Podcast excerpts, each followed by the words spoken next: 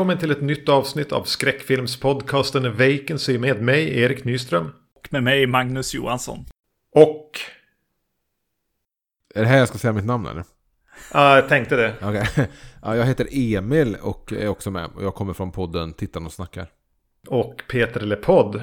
Och Peter Lepodd som eh, när det här kommer har släppt sista avsnitt.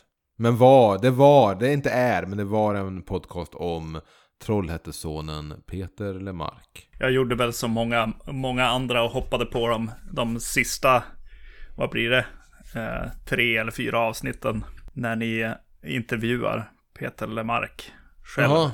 Ja, så du lyssnade på det. Vad tyckte du om intervjuerna? Höll de hög klass? Ja, absolut. Det var jätteroligt att, att lyssna på och kul, kul framförallt att ni fick tag i han och så sen att det blev så pass öppet och Mm. trevligt på något sätt. Ja, Och men att han, han- jag vet inte verkligen- hur, hur, hur så här, skräckfilmspodd-kompatibel Peter Lemark är. Men han är en jävligt schysst gubbe. Och har gjort ett par riktigt bra låtar. Jag vet att vi, jag försökte få förmå Magnus att nynna på- i princip på en Peter Lemark-låt här när vi ett, pushade lite för när, när det var ny podden. Men jag tror inte du kände till en enda låt då. Nej, precis. Det är väl sången de spelar när filmen är Ja. slut kanske. Mm. Men Tess känner du väl till? Jo, just det. Ja, ja såklart. Var var Tess och sången de spelar när filmen är slut på din lista över Peter Lemarks bästa låtar? Mm, eh, lägre än vad de nog är hos många andra. För när man gräver sig ner så i en artist, eller du vet, ni som är stort, stora fans av Nick Cave och allt annat så här. Eh, så hittar man ju annan musik bortom radiohitsen, andra låtar. Ja, Som liksom jag tar tänker plats. på det med Black Sabbath.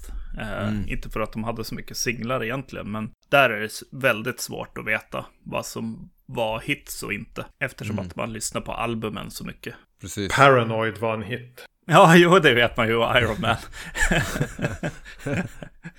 Eh, Men, men, eh, men vi hade tänkt prata om Malignant nu va? Ja, precis. Eh, vi, det här är väl ett avsnitt där, där vi ska gå på bio och vi har sett på Malignant och vi ska se Halloween och prata om det senare. Och, och, eh, men vi börjar med den här filmen och så sen kommer vi se Halloween senare. Så att eh, vi, vi, vi kommer ha två inspelningssessioner här. Mm. Avslöjar du magin bakom poddradio? Ja, det är lika bra att vara bara öppen. Jag Yes. tror inte vi lurar så många med någonting. Nej.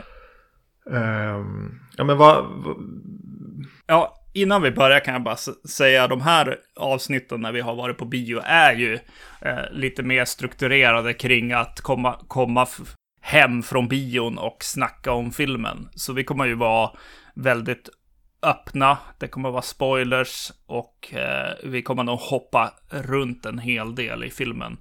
Både fram och tillbaka. Eh, inte, inte så linjärt som vi ibland eh, kan bli. som det blir ibland. Ja, jag, jag, jag vet inte om man ska eh, spoila vad man tycker om filmen. Men anledningen till att jag gick och såg den här filmen var ju typ eh, tack vare dig, Erik. Ja, då blir det någon, någon så här, eh, ormen som äter upp sin egen svans. För anledningen att jag gick och såg den var ju tack vare dig, Emil. Okej. Men jag såg den före dig. Så det var du, det var du som började nämna Ja. den och prata om den. Precis, så du såg den ändå före mig, så du hade ändå möjligheten att varna. Ja. Att säga. Men istället så typ sa du, gå och se den här filmen. Den här filmen är så jävla sevärd. Jag såg den efter jag hade sett Candyman. Så. Ja, jag, jag vet. Jag valde den här istället för Candyman. Och det, det kanske fortfarande är det rätta valet. Men jag känner ändå en viss irritation att du kände att de där 150 spännen som jag får lägga på biljetten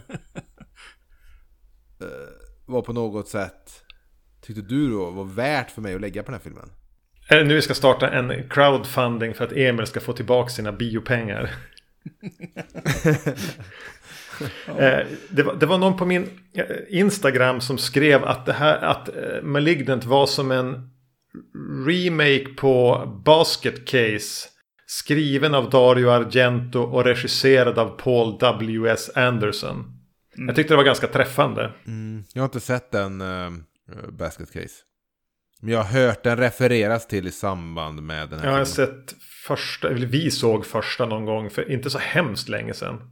Magnus. Och eh, Ja. alltså, mördande tråkig film. Ja, Fy. Jag har inte sett uppföljaren. nej. Lyssnar man på det här har man väl kanske sett den. Men den korta premissen är väl om en kvinna som börjar uppleva någon slags vakna mardrömmar. Där en eh, långhårig mördare dödar folk. Så någonting som naturligtvis visar sig hända i verkligheten. Vad är kopplingen till mördaren? Vad är kopplingen till hennes minnen av att ha varit på ett sjukhus som barn typ? Kanske blanda ihop det. Jag såg den ju först av er. Av, av, av oss här och det började vara ett tag sedan. Så jag går väldigt mycket på minnen nu. Men, men, men för mig var tänkte jag väldigt mycket på, på sån här att den skulle ingå i raden av såna här avrättade i elektriska stolen skräckfilmer som kom med sent 80-tal. Att det var någonting från 89 det här. Ja, exakt. Jo, jo, man får ju en stor känsla av att den, den öppnar ju på 90-talet. Eh, och eh, pratar om eh, i det här sjukhuset liksom. Det, det känns som den gör det för att sätta sig själv i 90-talet på något sätt i alla fall. Ja, Men är det inte, är det inte bisarrt att de skräckfilmer som vi, vi växte upp med, när de satte någonting för länge sedan så var det som i eh, så var det så här, eh, 50-tal eller 60-tal. Nu när man behöver sätta någonting för länge sedan då, så blir det så här, ja, mitten av 90-talet. Mm. Det, är- ja, det är sjukt, men så Ja, är det det. är det var någon som sa det var att nu, om, att nu är det om vi hoppar tillbaka lika långt alltså, som i Tillbaka till framtiden som han gör i första. När han hamnar eh, på 50-talet så hamnar vi 91. Ja. Det är så jävla hemskt. Ja, bisarrt. Ehm, Ja, precis. Och när vi, när, vi ska, när vi ska hångla med vår morsa i våran Tillbaka till framtiden, då, då är det alltså 91, så då är det typ Nirvana och Pearl Jam som spelas på den skolbalen. Eurotechnon har inte breakat än. Nej, nej precis. Buffalo-skorna och det här har inte kommit. Men den är, den är regisserad av James Wan, det har vi inte, kanske inte sagt. Nej, precis. Exakt. Och det är väl det stora så här. Alltså, jag- visste ingenting. Jag hade sett en affisch, eh, eh, framförallt med, eh, med, med en Erik framför på Instagram. det var typ det som jag hade på den. Det var ju kul att gå in och då tänker man så här, James Wan, tänkte jag. Ja, men nu får jag i alla fall något med lite budget. Mm. Det kommer att bli mysläskigt på ett modernt sätt. Och så här, Svenne Banan, läskigt. Eh, Men alltså den, den öppnar ju redan, alltså den bö- börjar med någon slags klipp från någon så här VHSer som visar sig vara ins, alltså överförda till eh, minnesstickor, vad heter det? Eh, och eh, alltså det klippet, eh, när hon sitter, det sitter en läkare och, och pratar till en kamera. Mm. Det finns ju mycket bättre eh, appar som gör liksom gammal VHS eller gammalt band. Ja, det blev så skumt. Det blev, direkt så blev det bara en Ja. lek av filmen. För de hade ju också bara kunnat spela in det på en VHS-kamera. Eller, eller fejkat det, men nu la de bara några scanlines. Och så var det någon tidskod som var så här i HD, så här superskarp. Mm, jag tänkte på Uppe det. till höger och, någon så och någon sån här räcksymbol. Men redan där kände jag bara, vänta nu, vad fan, vad är det jag Och så, in i? och så springer de omkring i korridorerna där på sjukhuset och det är liksom jätteostigt. Och jag får, jag får en väldig känsla av att så här, snart, snart bryter den. Och så börjar det handla om eh, ett filmteam eh, som håller på att göra den här dåliga eh, Netflix-filmen eller någonting. Eller ännu sämre än det kanske. Jo men det är som att James Wan har sett alltså en, jag men, vad fan heter det? Typ Mind Ripper eller någonting. Fast en, Ja. en, eh, alltså en knock-off på Mind Ripper. Och så har Ja. han velat göra en hyllning till en knock-off på en helt bortglömd Wes Craven-film. Mm, Mind Ripper, also known as The Hills of Ja. Ice 3. just det. Det är den som är jättemörk. För jag tror att det är den mördaren, skurken, the big bad, är en person som de, alltså en konstgjord människa eller en cyborg eller någonting. Men de, råk, de tog, den döda människan var en som tog livet av sig. Och det är som någonting han har kvar i hela sitt, sin upp, att han var en människa som bara ville dö. Och nu har de återupplivat honom och gjort honom till någon mördarmaskin. Men i grunden så vill han bara dö. Ja, men Lance Henriksen är ju med, så det måste ju ändå vara kvalitet. Precis. Det är väl en Wes Craven Presents-film. Men Bara för- jag hade nog lite samma erfarenhet av dig där i början, Magnus, i att jag såg trailern till filmen först. Mm. Och tyckte det såg skitdåligt ut. Men sen började man höra det snacket om att ja, men trailern är inte re re representativ för vad filmen är. Det finns en twist, det finns någonting annat Ja. i den här filmen. Och då började jag tänka så här, men James Wan, han har ändå han har ju ändå gjort sina Conjuring-filmer, han har gjort Aquaman, så jag började tänka så här, vänta den här filmen kanske är smartare än jag tror. Och då även när Erik gav den sina så här varma rekommendationer, så, så började jag ändå tänka så här att okej, den ser dålig, det var det jag trodde var någon sorts twist, att den ser dålig ut av en anledning. Ja men det var, det var lite det du sa, för du sa precis det där till mig. Det var det så du lurade iväg mig på bion Emil. Att, eh, du skickade trailern och så sa du, men jag har hört att, att det här är inte rättvist för filmen. Att de kanske luras lite med trailern eller någonting. Eh, så, eh, för den ser fruktansvärd ut i trailern. Eh, Och den är ju på så många sätt precis lika fruktansvärd. Ja.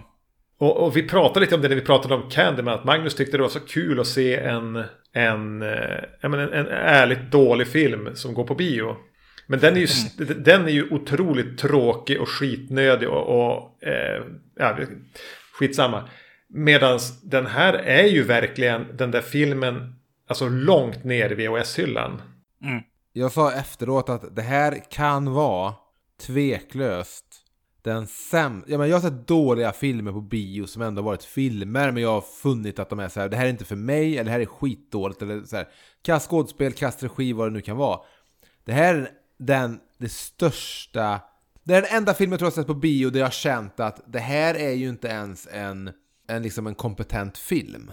Nej. Jag kände direkt att det här är liksom någonting, det här är så dåligt att det, det är inte bara en dålig film, det är liksom dåligt. Jag viskade till min kompis under bion att fan det här känns ju som att det är så här porrskådisar Ja. som spelar. Alltså, och när man väl börjar tänka på att så här, om det här är porrskådisar i någon sorts porrparodi eller någonting så det är väldigt svårt att inte se det i hur det är skådespelat, alltså att det är dåligt och hur det även är fotat och allting känns Jo men det är som att den är fotad med, med, med en, med en, eh, alltså en billig kamera. Men att han har tagit så här eh, Insidious-filter och lagt över i post-production. För det är någonting med texturen i det som vid första anblicken känns som att den har lite samma fysik som ändå kunde tycka att fotot hade en del av hans tidigare mer lyckade så här, genreövningar. Det är fortfarande väldigt tomt allt han gör. Eh, men, men här är det som att, att han har tagit det, i, alltså lagt på det i, i efterhand. Det är några bilder på det här huset som de återkommer till som hon bor i, huvudpersonen. Som, som jag tänker, ja men titta de har ändå ett, en textur i fotot. Och så lutar jag mig nästan som fram i biostolen. Och så, nej. Nej men, alltså jag, jag tyckte um, hon, um, huvudskådisen, eh, som även var med i um, Annabelle, som heter väl Annabelle Wallace. Hon var så dålig, men sen kom hennes syrra. Och det var då jag bara kände att, nej vänta, detta är inte skådespelerskor, detta är ju början på någon sorts ja, porrscen. Eller alltså, jag, verkligen, alltså, det här var så här.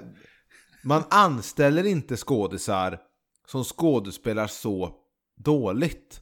Det finns, alltså jag förstår att man kanske gjorde det om, eh, vad ska vi ta, alltså Wes Craven kunde gjort det i Last House on the Left, eller på, när man är på den nivån. Men det här är ändå en riktig så här, Warner Brothers slash New Line Cinema-produktion. Det är James Wan. Så jag satt hela tiden och tänkte så här, okej, men när drar de bort draperiet och när får jag se vad den här filmen egentligen handlar om?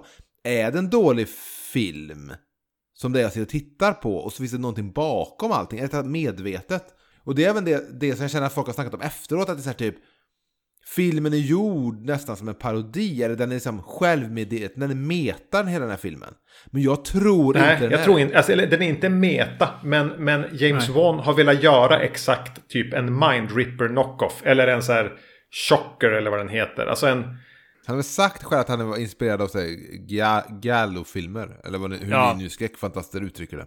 Ja, för det är den ju också. Det är ju en, en Dario Argento på 90-talet. Inte på Eh, 90-talet, på, på, film. på 00-talet. Ja, jag tänker på typ Trauma eller något.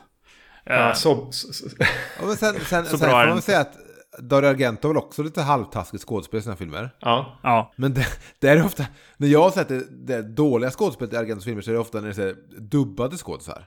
Att det blir dåligt för en dålig så här, engelsk dubb på kanske italienska skådisar eller någonting. Och här är det som att man får det, den dåliga värdelösa känslan men det är faktiskt skådespelare som snackar engelska. Ja. Jag tror att de bara är lämnade. Att det har varit så här entagningar hela tiden för att få den här. Jag tror att det är medvetet. Inte dåligt men snabbt. Alltså att han Men jag så... trodde... Ja, så jag trodde ju en sekund att det kanske var så här, ja men det kanske gjorde under pandemin, han och hans vänner har gjort en film för Ja. en miljon spänn som han fick av Warner Brothers för att han ändå kommer göra Aquaman 2 till dem. Eller sånt där, att det var liksom någon sån där film, att det är så här typ, Ja men lite le- leka med kompisarna tror jag det är. Han ville göra en. Han ville gå tillbaka till rötterna och göra något bara för att det är kul att göra något. Det skulle inte förvåna mig om den är gjord under pandemin. För den är ju Nej, väldigt den gjorde- glest den befolkad. Den jag är rätt det? säker på att den gjordes innan. Ja. Ja. Att, den skulle haft, eh, att den skulle haft premiär 2020, tror jag. Och jag tror filmen hade en budget på så här 30 miljoner dollar, så ingen, det är ingen liten budget heller. Ja, den förstår jag inte vart den har tagit vägen. Nej, precis. För, för det, eh, det jag tänkte på, det var ju att så här, bara, eh, med budget framför allt var ju att så här, jaha, nu har Ty West som gjorde, vad heter den, House of the Devil och så, har kommit till James Wan och sagt, jag har, jag har skrapat ihop lite pengar, eh, vill du göra en film? Vilket ju är helt tvärtom mot för vad man tänker att det ska vara. Ja, nu läser jag att budgeten var 40 miljoner dollar. Ja, det, Ja, men märkligt, märkligt vart de... Jag fick Jo. även känslan att, han, att det skulle vara en sån här James Wan pre- Presents. Mm. Men sen tänkte jag, men det här var... Jag blev lite sugen på att göra den själv. Alltså att han var lite less efter att göra Aquaman-filmer och så. Att, att skala ner det och... Jag, jag, jag gör det. Jag gör det bara. Ja, alltså det är ju, ja precis, det är tvärtom mot vad heter det, vad heter den, eh, Candyman där. Bara, nej men, nej men jag kan nog inte regissera det här, jag kan inte sätta mitt namn på den här liksom. och här, här är det någon slags, bara, nej men, nej men jag gör det. Och Det är vore lite kanske- coolt att göra det här kul. faktiskt. Alltså jag gör det. Nej, du, du törs inte. Jo. Jo, jag gör det. Det jag lärde mig efter att ha sett filmen var att den här skådisen som kanske är sämst i filmen, hon som spelar den här polisen. Den kvinnliga polisen, ja. Sidekicken till... Eh, ja.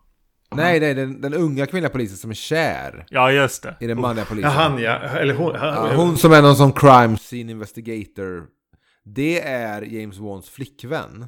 Som är någon rumänsk modell. Och de har tillsammans kommit på idén till den här filmen. Så jag undrar om det kan ha varit något sånt där. Göra lite projekt ihop med sin älskling. Mm. Grej och lite att man kanske inte... Han kanske inte var beredd att skjuta ner hennes idéer. Eller du vet att det var liksom kanske mer hennes idé än hans. Jag vet inte. Men de kommer på alla fall på storyn tillsammans. Efter att ha druckit massa billigt vin på ett hotell i Rumänien. Mm. Jag undrar lite grann om Dario Argento hade gått hit om man, om man hade kunnat ibland. Alltså just med, med att, alltså för det är ju redan på manusnivå. Det är ju det som är, står ut här kanske för att vara en, en giallo wannabe-film på något sätt. När man, när man gör sådana nu för tiden så gör man det väl mest alltså visuellt gosigt och, och hitta liksom grejer i det. Medan James Wan har liksom gått lite mer så här Ja, men Dario Argento, han gillar ju så här lite pseudoscience-grejer och, och fundera kring så här, ja, kan det sista man ser fastnar på ögat och, eh, ja. och sådana grejer liksom. Det, det har han ju ta, anammat här. Och en annan grej också är ju såklart eh, vapnet som, som får som fokus här ett tag. Där, där mördaren liksom skapar eh, ett vapen av en, en statyett. Mm. Ja, ett pris. En... Ett pris, ja, ja precis. Väldigt eh, Argento-eskt. Ja, senare Argento på något ja, vis. precis, exakt. Det var kanske därför jag tänkte på trauma på ett sätt. Att så här, ja, jag måste Jo. bygga ett riktigt bra vapen på något sätt. Men det här är en film som jag då ändå såg på Bergakungen i Göteborg. Ja. Det var inte så många i salongen, men det var ändå en riktig biosalong. Men det, det känns som, jag har inte sett filmen The Room. Eh, Men han, Tommy Wiseau, eller vad han heter, som gjorde The Room, som väl anses, Ja. ja. den filmen. Det är ju som om han hade fått för sig att göra en Dario Argento-film. Ja, Det är det jag försöker mena med att det här är inte bara en dålig jävla film. Det här är någonting som en, en, en filmstudio aldrig borde vilja ta sig an eller du vet, vilja distribuera. Du vet. Jag hade begravt den här filmen om jag var Warner Brothers. Ja, det är märkligt att Just i den har... hur den ser ut, hur den är skådespelad. Inte så här, den är, den är så, alltså fy fan vad dålig den var. Jo men det är ju någonting att den, den försöker ju inte heller. Den vill inte... Den är, helt, den är ju helt dö, alltså tondöv för var skräckfilmen är i övrigt. Eh, och har varit sen. Alltså det är oklart om den här den någonsin ska ha känts rätt. Mm. Nej men och sen om väntan i filmen är på den här twisten och att jag kan förstå att man älskar det som händer i och med twisten för att den blir så, ja men det är så jäkla barockt. Ja. Men då har man gjort liksom hela den sträckan som leder fram till den här twisten är ju så otroligt tråkig och by the numbers att om hela filmen bygger på twisten att filmen blir helt jävla crazy och det ska vara, då, då borde ju det dykt upp tidigare i filmen eller så borde man ha underhållit mer fram tills dess. Ja, men ja, precis. Och vilken twist egentligen, tänker jag. Eh, Var det, du, du, du såg det komma eller? Ja. ja. De visar ju i början vad som skulle hända i slutet. Eh, Så ans det kände jag i alla fall. Men Hur, hur visar de det? ja, men alltså allt som händer där i, i början med att så här, ja, det- vi måste ta bort det här monstret och hej och hå från den här patienten liksom. Ja, då. Ja, men förstod man det? För jag såg det som att man bara såg monstret i början. Mm. Så jag, jag menar, jag, jag registrerade monstret, men jag registrerade inte att monstret var satt Ja. på ryggen av en annan person. Ja, just det. För jag tänker när man säger det är dags att k- cut away the eh, Ja, tumor eller någonting. Då tänker jag att det finns något kvar efter det. jag förstår. Ja, jag, jag hade tankar om vad det skulle kunna handla om. Men det som fick mig ändå tvivla är någonting som jag kan ha pratat om tidigare i den här podden och även pratat om det med Erik i Tittar och snackar. Ja. Och det är att om man har någon sorts smart idé till en skräckfilm om att eh, mördaren sitter på ryggen på hjältinnan. Mm. Och då med en och samma person och det här att hon, han ja, trycker sig ut från hennes bakhuvud och det här. Jag har inget emot den idén. Eh, och det var det jag funderade lite på. Så här, ah, vänta lite. Och min kompis som, hade, som jag visste om, visste om twisten, viskade till mig någon gång och sa att det ser ut som att hon bär peruk. Och tänkte jag, hon har väldigt mycket hår där bak. Kan det vara någonting att hon döljer någonting? Men det, det problemet då är att de också blandar in hela det övernaturliga i att det här monstret kan prata genom radion, kan påverka elektricitet och sånt. Det var därför jag tänkte på de här elektriska stolen-skräckisarna. Ja, och det fick mig att tänka på att okej, att då, det fick mig att tänka bort det. För jag såg ju också såklart att, att den här mördaren då som hon ser i sina, eh, sina syner, att han var typ baklänges. Mm. Det, upp, det uppmärksammade jag och att han typ sprang och allting var väldigt konstigt. Så jag bara tänkte så här baklänges och de har samma hår och lite sådär. Ja. Men samtidigt försökte jag hela tiden i filmen lösa men vart kommer det övernaturliga ifrån? Och det är det jag... Jag klarar ju inte av skräckfilmer som blandar Ja. helt olika övernaturliga eh, inslag och här av ren bekvämlighet. För jag gissar att första idén de hade var ja, vad, vad coolt om mördaren liksom sitter på hennes rygg och, och de är någon sorts siamesiska tvillingar och han tar över henne och sådär. Men sen gissar jag att de inte får ihop det. Och då är det så bekvämt att skriva in i, okej men hur ska han prata? Men låt han kunna, låt han kunna bara prata genom radiosändningar. Så det känns som att det var någonting som kom till när man inte fick ihop filmen. Och jag tycker att det är så dåligt för det förklaras ju heller aldrig Nej, varför, ska, varför ska den här tumören slash siamesiska tvillingen ha de här psi-krafterna? Nej, det är som att det bara är ett, ett skräckfilmsinslag som man bara utan tanke eller reson bara Ja men det kan vi slänga in i filmen för så har ju skräckfilmer sett ut innan. Ja. Och det, sen dessutom så här kung Fuese genom en hel polisstation. Jo, när Precis, när ja. han Ja. tidigare i filmen flydde i panik undan en polis. precis. Och även när de har den här äh, jakten nere i Seattles underground så det här. Ja, varför flyr han då om man kan spöa typ 20 snuta beväpnade poliser? Ja, Då är det ju en mördare som underpresterar i den här filmen. Ja, nej, exakt, ja. Helt klart. Jag skulle motsäga någonting. Eh, Det, det som var kul i bio, eller det som blev i bion, det blev inte så här walk away för mig, för alltså att jag ville gå ut, för jag ville ju förstå den lite grann. Och jag tyckte att, att så här, varför titta på Dario senare verk och göra Ja. liksom Do you like Hitchcock eller va- varför göra det? det? Det är väldigt märkligt. Det ska Ja. bli intressant att se den här Last, Last Night in Soho eller vad den heter. Eh, Ja, Ed, Edgar Wrights film eller? Ja, precis. Som ju lär vara en, en mer av det man, man kan tänka sig att man gör när man, när man tittar på Dario Argento i da- dag. Ja. Men Jag, har, jag, för, jag förstår den svartklädda mördaren, eh, det här vassa vapnet. Mm. Men är och, sen är, och det är lite rött ljus i början av filmen. Men är det verkligen så Dario Argento? Alltså hade jag, Nej. jag har inte sett Nej. allt med Dario Argento, jag har ingen auktoritet på honom. Men hade jag liksom skrivit ihop och gjort en, en Dario Argento-influerad film så hade jag eh, inte gjort det här.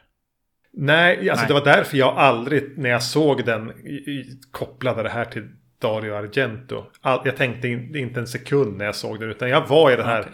vilsna skräckfilmen mellan 89 och 93 då det inte fanns Ja. någon riktning och man prövade lite av, lite av varje och att det här Ja. var någonting som blev kanske till och med har legat på hyllan sedan dess på något vis. För att det var för, Ja. för liksom då, Ja, precis. Kass. Det, här känns, det här känns som en film som, legat, som borde ha legat minst fem år på någon, något filmprod, filmbolags hylla. De inte vet vad de ska göra med den. Och det är ju det jag tycker är kul att jag sitter och ser det på bio. Förklätt till liksom con- en Conjuring-film. Alltså det är nästan så att man, man, man dunkar fram den så. Jo, men det är väl att, att det är väl i, flera steg i att de, de har blivit tvingade. Alltså att Warner Brothers har en bra relation med James Wan. Sen är det en James Wan-film, vilket ger den en viss eh, kredibilitet. Om det är ett ord. Och sen liksom ta Sver- sen visar Sverige för att den svenska distributören, distributören distribuerar den för att det är, ja, men det är James Wan som gjort Conjuring och det är Warner Brothers film och det är en film som får så här många biodukar i USA. Så det är som att ingen har någonsin liksom sett filmen och ändå tänkt att vänta lite nu, vi kanske borde tänka om att det är vi på Warner Brothers som har gjort filmen. Vi kanske borde tänka om att det är James Wan och faktiskt begrava den här. Men det är ju det, det, det är ju det. Den är ju liksom en, en eh, på så sätt, det är inte medvetet såklart, men på något sätt är det ju eh, symptomatisk för bioklimatet nu. Hur många bio fick den i USA? Då bokar vi in den här. Då ska den upp på så många s- salonger Ja. i Sverige. För den, spelar, den kommer att spela in så här mycket. Ingen har sett filmen.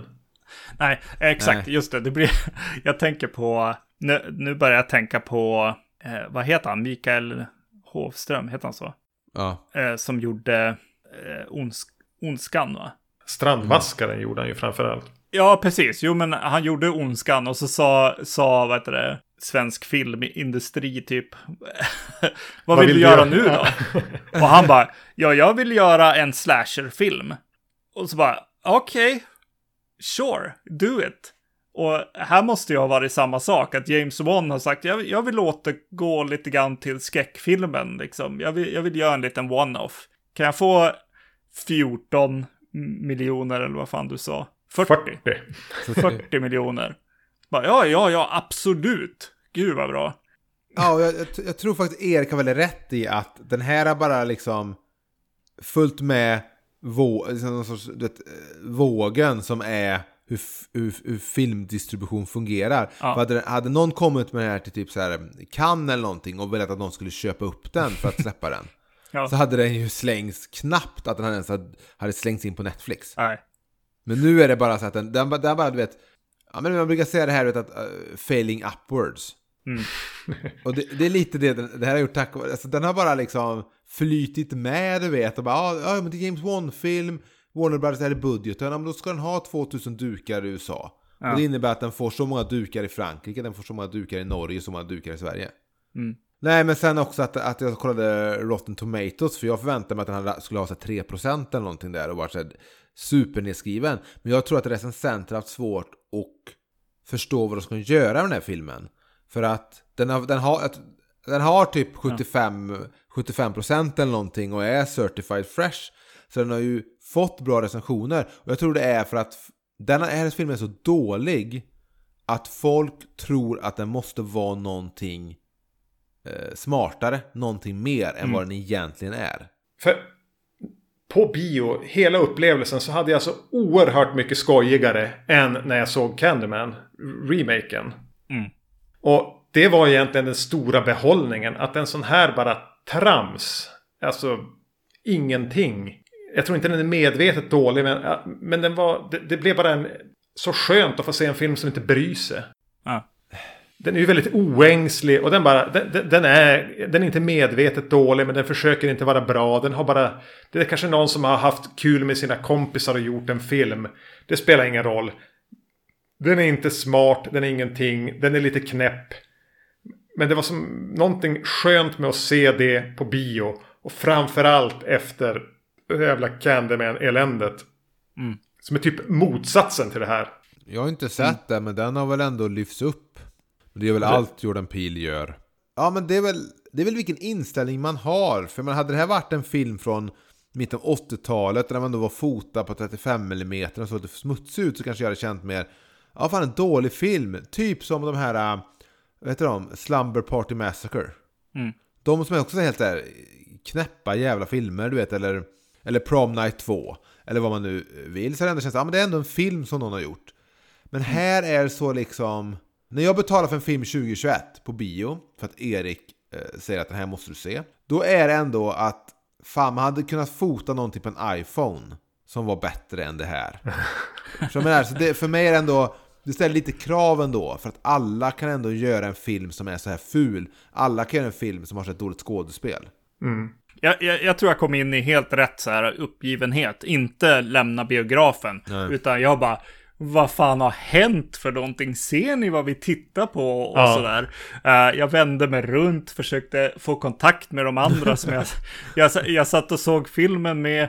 Började skratta vid flera tillfällen för det var så otroligt bisarrt vad som hände på skärmen. Ja. Uh, och uh, ibland så säger väl filmen det också. när hon ska åka till det här gamla sjukhuset. Hon kommer körande, syrran, och så säger hon bara Oj, vad stort det här var typ. Och så bara boom, så är det jättestort slott. Draculas slott liksom. Ja, ett väldigt märkligt sjukhus. Alltså att det hänger över en klippa ut ja, över men, havet. Ja, och att de ens, för det där måste ju varit då eh, digitalt ordnat, ja. det där stället. Ja. Jag menar, okej, okay, jag tyckte det var skithäftigt att besöka ett gammalt sjukhus. Det är alltid kul i skräckfilmer. Ja. Men dels är det ett sjukhus som alltså var aktivt typ på 90-talet. Mm. Men det ser ut som att det varit övergivet sedan typ eh, tidigt 30-tal. Och, eh, och hela den scenen också så här, jo, men jag har sett i The Ring när de beger sig ner för att hitta ja, gamla liksom, sjukhusakter, eller vad fan heter det? Journaler, gamla sjukhusjournaler. Och så är det, det är bara som att den här filmen bara slänger in saker som varit med i andra skräckfilmer, men gör det som om det var en porrparodi. Gör det väldigt slarvigt. Det är jättekul. När hon kör upp mot det, mot det här slottet. Och så park, slottet, mm. sjukhuset. Och så kör de bilen fram. Och stannar här, tre decimeter från en avgrund ner mot alltså, havet. Ja. Helt obekymrat. Så kliver ur bilen och promenerar fortfarande bara några centimeter från stupet. Längs med väggen och in utan att ta notis om det. Ja. Men det är konstigt de ändå lägger ner pengarna eh, på att på att bygga ihop i datorn då det där, ja. det där imponerande sjukhuset, att de inte spenderar mer tid där. För hela den delen ja. med henne är liksom helt uh, throwaway. Jag trodde hon skulle bli jagad av en massa saker där inne. Eller att det skulle vara en, en kamp att få informationen. Men det hade ju likväl kunnat vara att hon gick till biblioteket och googlade. Ja, um, precis. precis. Jo, det är ett märkligt att, att, att fem av de 40 miljonerna gick ju till, till att ja. eh, digitalt rendera det där sjukhuset för den där scenen. Ja, det, det känns väldigt så här, du vet, fylla ut speltiden eh, scener. Förstod ni varför mamman var viktig att tejpa fast i taket ovan där? Fanns det någon förklaring till det? Nej, det var bara vänta till sist och så mamma, det, må, det måste ju in i Giallo. Ja, just det. Äh, grejen här. Men det var väl ändå en överraskning för jag hade ingen aning om att det var på hennes övervåning som mamma var fängslad. Så det, jag, förstår inte, jag förstår inte vilka vanliga liksom, tvåvåningshus som har en sån där fläkt. Nej, exakt. ja, det, det var en överraskning och det var även helt meningslöst. Red herring-fläkt. Ja. Mm. Jag trodde att hon var fortfarande nere i den där under, Seattle Underground-museet typ. Ja, exakt. Trodde jag med, för, för det var en sån ändå lagom imponerande setting. Den miljön där nere. Att jag Ja, tänkte okej, det. men här kanske vi får slutet. Här kanske vi får någon sorts tredje akt. Någon sorts jakt här nere. Mm. Eh, Det är alltid trevligt med kloaker, det har vi lärt oss efter Jason Takes Manhattan. Precis. Men ja, precis, det är väldigt mycket som bara är med. Jag förstår inte riktigt varför eh, han slash hon, mördaren, eh, kidnappade sin egen mamma och band fast henne. Nej, Nej. men det, det kommer i tvåan. Alltså så här, jag tycker den var skitdålig, men skulle det komma en uppföljare så hade det ändå varit... Och du vet alltså när man direkt från början vet om eh, twisten, man vet om det helt jävla galna. Så hade det ändå varit lite kul att se vart de skulle ta det. Ja, jag, jag ser ju hellre då den uppföljaren än Candyman 2. Mm. Ja, alltså, återigen, jag är mer sugen på att se Malignant 2 än att se Conjuring 3 som har kommit nu. Ja, men Con- Conjuring 3 kommer ändå vara... Kommer kännas som att allting är lånat från andra skräckfilmer, men den kommer ändå vara eh, stabil. Och li, lite tråkig. Ja, och lite tråkig. Ja, precis. Vi pratade tidigare om alla, alla de här eleffekterna och allt det där. Jag tänkte hela tiden att James Wan hade, hade och sett den här YouTube-filmen. Vad heter den? Lights Out. Ja, men han producerade väl eh, Hollywood... Ja, det kanske han gjorde. Ja, det var väl hans, det var, det var väl han Jag vill också grepp, prova. Det var han som greppade tag i Sandberg eller vad? Ja, just det. Han, han gav även det här manuset till Sandberg. Som sa, nej, finns inte en chans i helvete. Nej, det, de, de här." hade kanske så här kort Skype-samtal. De kanske... Men eh, om vi släpper det här. Jag, jag tyckte det var skoj att se någonting så eh, ogenerat på bio. Även om det inte är bra. Mm. Har, har vi några förväntningar på Halloween Kills? Ja, så ni, nu kommer ni prata om förväntningar som sen i samma avsnitt då? Ja, Ja, varför inte? Ja. ja det, var, det här är lite improviserat. Är, är, Ja. känns det, är det fel? Nej, det, det är ju lite småhäftigt. Att ni kan, man kan lägga fram förväntningar och sen om tre minuter Ja. i podcast-tid så får man svar på om de eh, infriades. Magnus, vad är dina förväntningar? Eh, jag förväntar mig en rätt dålig film alltså. Eh, ja, det känns som de inte vet vart de ska marknadsföra den någonstans. Är det så här, åh, kolla alla gamla, gamla karaktärer som är tillbaka. Och det är jag helt ointresserad av. Mm. Mm. Och, och så sen hur de, det känns som att eh, de försöker hypa upp lite, lite så här, Michael Myers, är han människa eller inte, grejen. Eh, och det blir alltid fel. Det ska ju vara människor. Så jag har lite problem med det också. Men kanske att den här eh, typ någon slags taken-rulle där Jamie Lee Curtis liksom eh, ska börja hämnas och jaga. Det kanske kan vara kul, men jag är inte så himla såld på den idén heller. Ja, mycket sjukhus verkar det vara.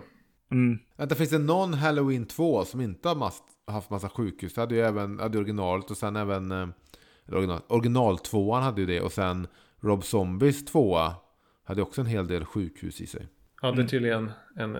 Hör, hör serien till, hör franchisen till. M- Min enda förväntan det är att få, få luta mig tillbaka i en skön biostol och lyssna på musiken. Ja. Får jag göra det då är jag nöjd. Det håller jag med om.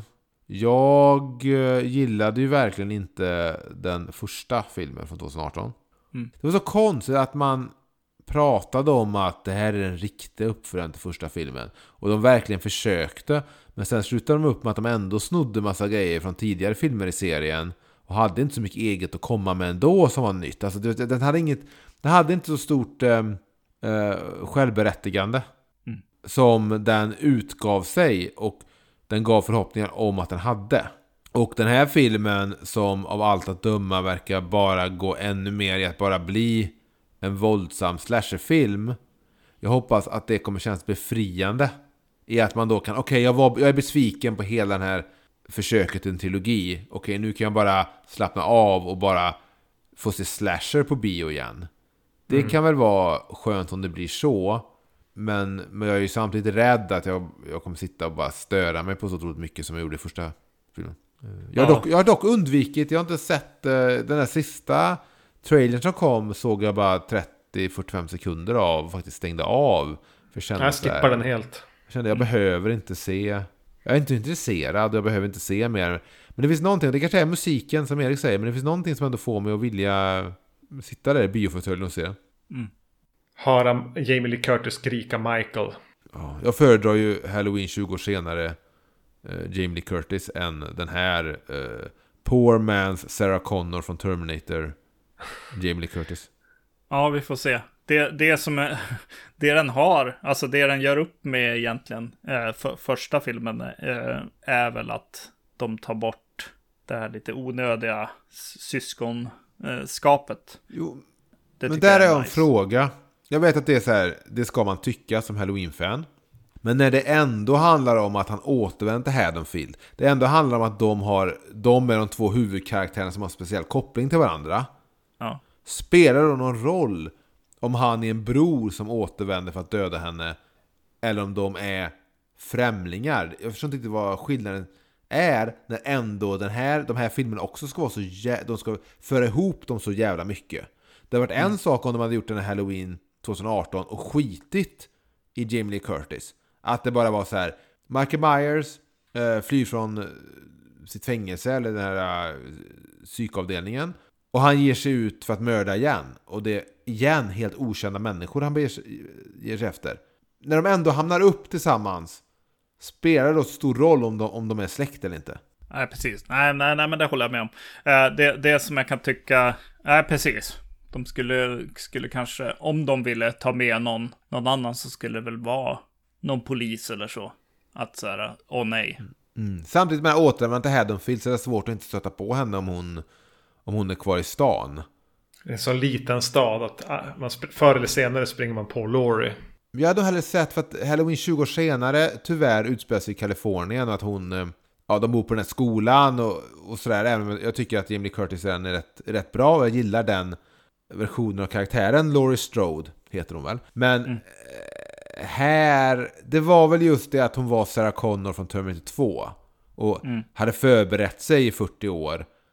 Som var så ointressant för mig. Hon var den också den du vet, eh, originalet i stan.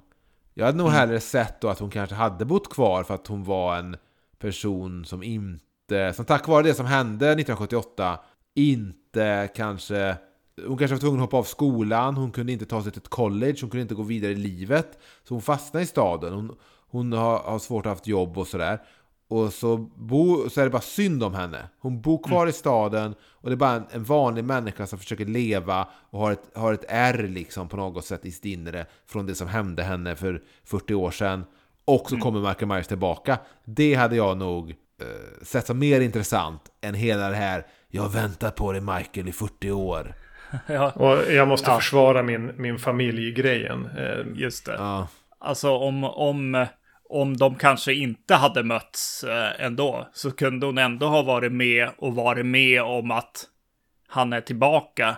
Alltså bara rent känslomässigt helt Jo men precis, om han är tillbaka, de misstänker typ att okej, den här Michael Myers-karaktären har rymt från, rymt från sin eh, psykavdelning. Eh, det har uppstått mord i Haddonfield. De tar in henne, polisen tar in henne då för att prata med henne om det Ja. här. Och säga typ att dels, vi, vi tror att det kan vara så här och vi kommer behöva förhöra dig igen för vi behöver få en uppdatering om vad som hände då, för det var 40 år sedan. Eh, och vi har nu en utredning om den här personen som faktiskt försökte mörda dig för 40 år sedan. Om man får in henne på det sättet, istället för hela det här att hon är så förberedd med en shotgun. Och, Ja. och beger sig ut efter honom. För menar, det snyggaste ögonblicket mellan Jamie Lee Curtis och Michael Myers efter första filmen är ju nästan i Halloween 20 år senare där när hon, hon slår igen dörren i en scen. Och de möts i fönstret i dörren. Och det är första gången de tittar på varandra, du vet. Det är så jävla snyggt, det var med i trailern. Och sen filmade de väl om det med en ny mask och det var med i filmen. Och så det ögonblicket vill man väl ha mellan dem också. Men jag hade hellre sett att hon bara var liksom en... Precis som Halloween 20 år sedan försökte leva sitt liv. Ja. Och var ändå en vanlig människa. Kanske en människa som folk i staden snackade om. Att ja, det var hon, du vet, hennes, hennes bror... Inte hennes bror får det inte vara längre då, men... eh, Någon försökte mörda henne den där natten och hennes kompisar dog, du vet. Hon var den som överlevde den där natten 1978. Ja, hur som helst.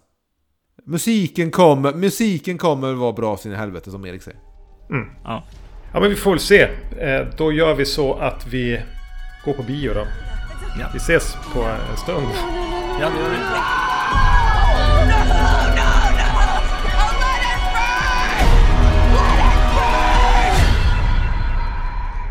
Och där har vi varit på bio igen och sett Halloween Kills. Halloween Kills.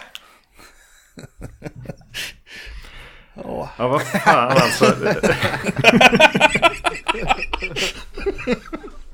Ja, du.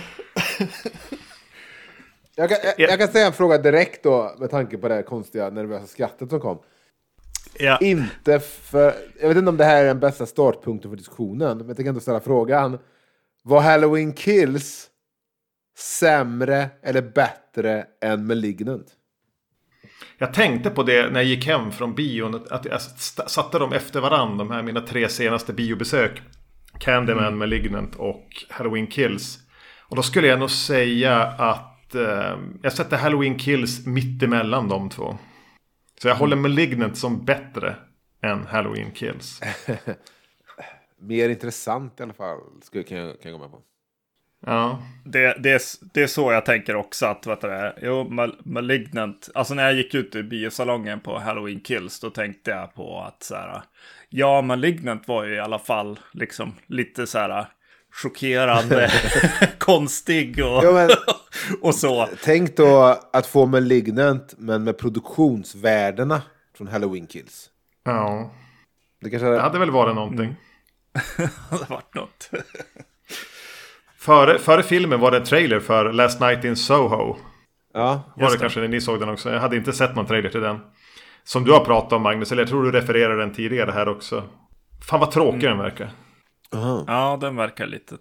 Ja, det är svårt. Jag har svårt att veta utifrån trailern vad det ens är för typ av film. Så jag, trailern ger mig egentligen ingenting förutom att förstå att det är någonting som händer på något sorts 60-tals, i något 60-tals London. Men jag vet Ja. inte om det är negativt. Jag tycker nog, jag förstår ingenting om vad, vad det handlar om. Men jag skulle nog ändå kunna sätta mig och se det, se det på bio.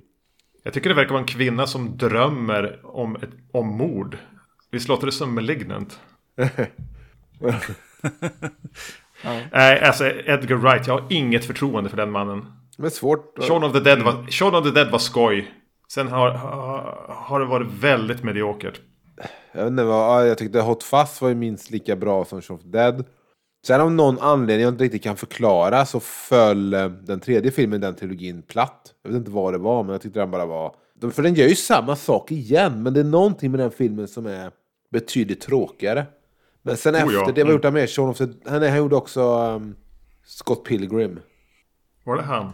Ja, den är ju hemsk. Ja. Ja, Jag har bara sett den på bio och inte sett om den. Eh, sen vet jag inte mer vad han har gjort, men... Eh, men eh, Baby Driver. Baby Driver så också. Ja, den, den minns jag. Den var ju väldigt så här, ja, mellanmjölkig. Mm.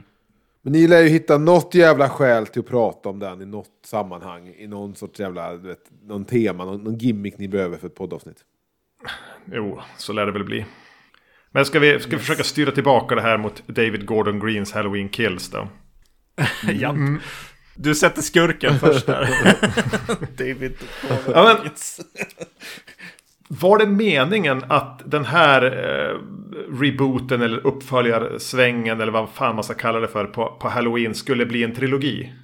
Jag vill, det var det det? Visste de det när de gjorde första? Jag tror det, jag tror det bestämdes väldigt, väldigt snabbt efter att första filmen hade släppts eller skulle släppas. Ja, Jag tror inte tanken från början var det, men väldigt fort så sa de fan vi gör... För jag, tror, jag tror jag läste att David Gordon Green ville göra en till film. Men så sa Bl- Blumhouse liksom att vi gör tre. för jag skulle väl vilja börja med att prata om den här historierevisionismen då. Som den här filmen egentligen börjar med.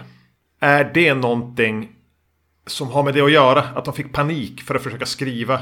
Alltså Green här, vad heter han som har skrivit den mer? Den här stoner komedikillen. Du pratar om Danny, McBride. Ja. En av Magnus favoritskådisar. Han har, han har nått i rätt roll får man säga. Ja. Som manusfattare däremot. Jag tror de fick lite panik när de, när de fick veta det. Att de skulle göra en trilogi. Så då, vad ska vi göra med den här jävla andra filmen då? Hur ska vi, hur ska vi, hur ska vi få det här till en Empire Strikes Back? Ja. Um, och att, de, att det är därför man har valt att gå tillbaka till, till slutet på originalet och göra den här märkliga, märkliga tilläggen. Eller har det ett syfte? Förklara för mig. Varför ska vi dit? Och göra den här polisen som ju faktiskt dog i första filmen. Som får överleva, som får en backstory. Och sen ligger han i en sjukhussäng en hel film. Den här, den här filmen känner ett väldigt stort behov av att ha med väldigt många karaktärer. Istället för att tajta till. Det som bör sägas bara där, komplettera din frågeställning Erik, är att David Gordon Green och Dan McBride ville redan i första filmen lägga till flashbacks. Där ja. Dr. Loomis skulle dö. Michael Myers skulle döda honom. Och det skulle sluta med att uh, Jamie Lee Curtis har Dr. Loomis pistol och jagar Michael Myers. Eller något sånt där. De skulle lägga till någonting men det, det blev inte så. Mm. Uh, och då tänkte de väl att ah, men då kan vi göra någonting i början på Halloween Kills. Men vi vill inte längre att Dr. Loomis dör. Nu ska vi, vi tänkte på något helt annat. Det känns väldigt mycket som att de bara suttit och första idén som kommer till dem skriver de ner. Mm. Mm. Det är inte supergenomtänkt. Och när din fråga är då vad det fyllde för syfte. Det, det fyllde för syfte för mig var att jag var underhållen lite när vi var tillbaka på 70-talet ja. och man fick se man fick liksom se lite bortom sömmarna av det som klipps ihop till första filmen. Man fick se lite mer, lite längre. Det gillade jag. Jag har inget emot den typ av nostalgiska, lite så här, som det var i Tillbaka till framtiden 2. Vi är tillbaka där vi varit innan. Vi får se någonting annat lite hända eh, inom typ den tidsrymden. Det gillade jag rent personligen. Men sen var det ju för att som du pratade, bygga upp den här polisen som inte riktigt behövdes och ge honom någon sorts koppling till ehm, uh, den tiden. Och sen var det väl också att det verkar ju som att den här filmen på, på något sätt vill prata lite om mobbmentalitet. Och det förekommer ja. lite också där när de här poliserna liksom har bestämt sig av någon anledning att mörda en person för att han har trakasserat och dödat typ tre personer. Då är det plötsligt okej okay då för, för dem mm. och hans läkare, Dr. Loomis. Men Dr. Loomis kan jag ju förstå eftersom han har skrikit i hela första filmen om att han är ondskan personifierad. Så jag kan väl köpa om ja. Dr. Loomis känner att nu får, nu får det ta slut här och jag, jag offrar min egen karriär och liv för det här. Men, men jag, jag, kan bara säga då innan Magnus säger, säger någonting smartare. Att mina två favoritsaker med den här filmen kom direkt i början på de flashbacksen. Dels, Loomis, en av dem. Dels var det att de faktiskt... Jag blev glad på no, av någon anledning att de har med Dr. Loomis igen och att det inte är med hjälp av eh, datoreffekter eller att de har klippt in, klippt in någon bortklippt scen och plockat av huvudet från den scenen och satt en annan skådis på. Utan att det är så enkelt att de hade en snubbe som jobbade på produktionen som råkade vara lik Dr. Loomis. så, han, så han fick spela Dr. Loomis och det ser så bra ut att jag nästan tänkte en sekund, okej, okay, är det datoreffekter eller är det en bortklippt scen? Mm. Eller sådär. Så mm. det, det blev jag bara glad över, att det bara var så enkelt att någon som jobbade på produktionen inom scenografiavdelningen eller vad det är, var så pass lik. Sen är det också min favoritscen i filmen. Och det är när två poliser då är, är ute och letar efter Michael Myers efter då det som hänt i första filmen från 78 där, att han har attackerat Jimmy Curtis. Och de pratar och de pratar om Michael Myers och en av poliserna säger att eh, jag gick i Michael Myers, jag gick i Michaels klass. Ja. Och min mamma tvingade mig att leka med honom fast jag inte ville det.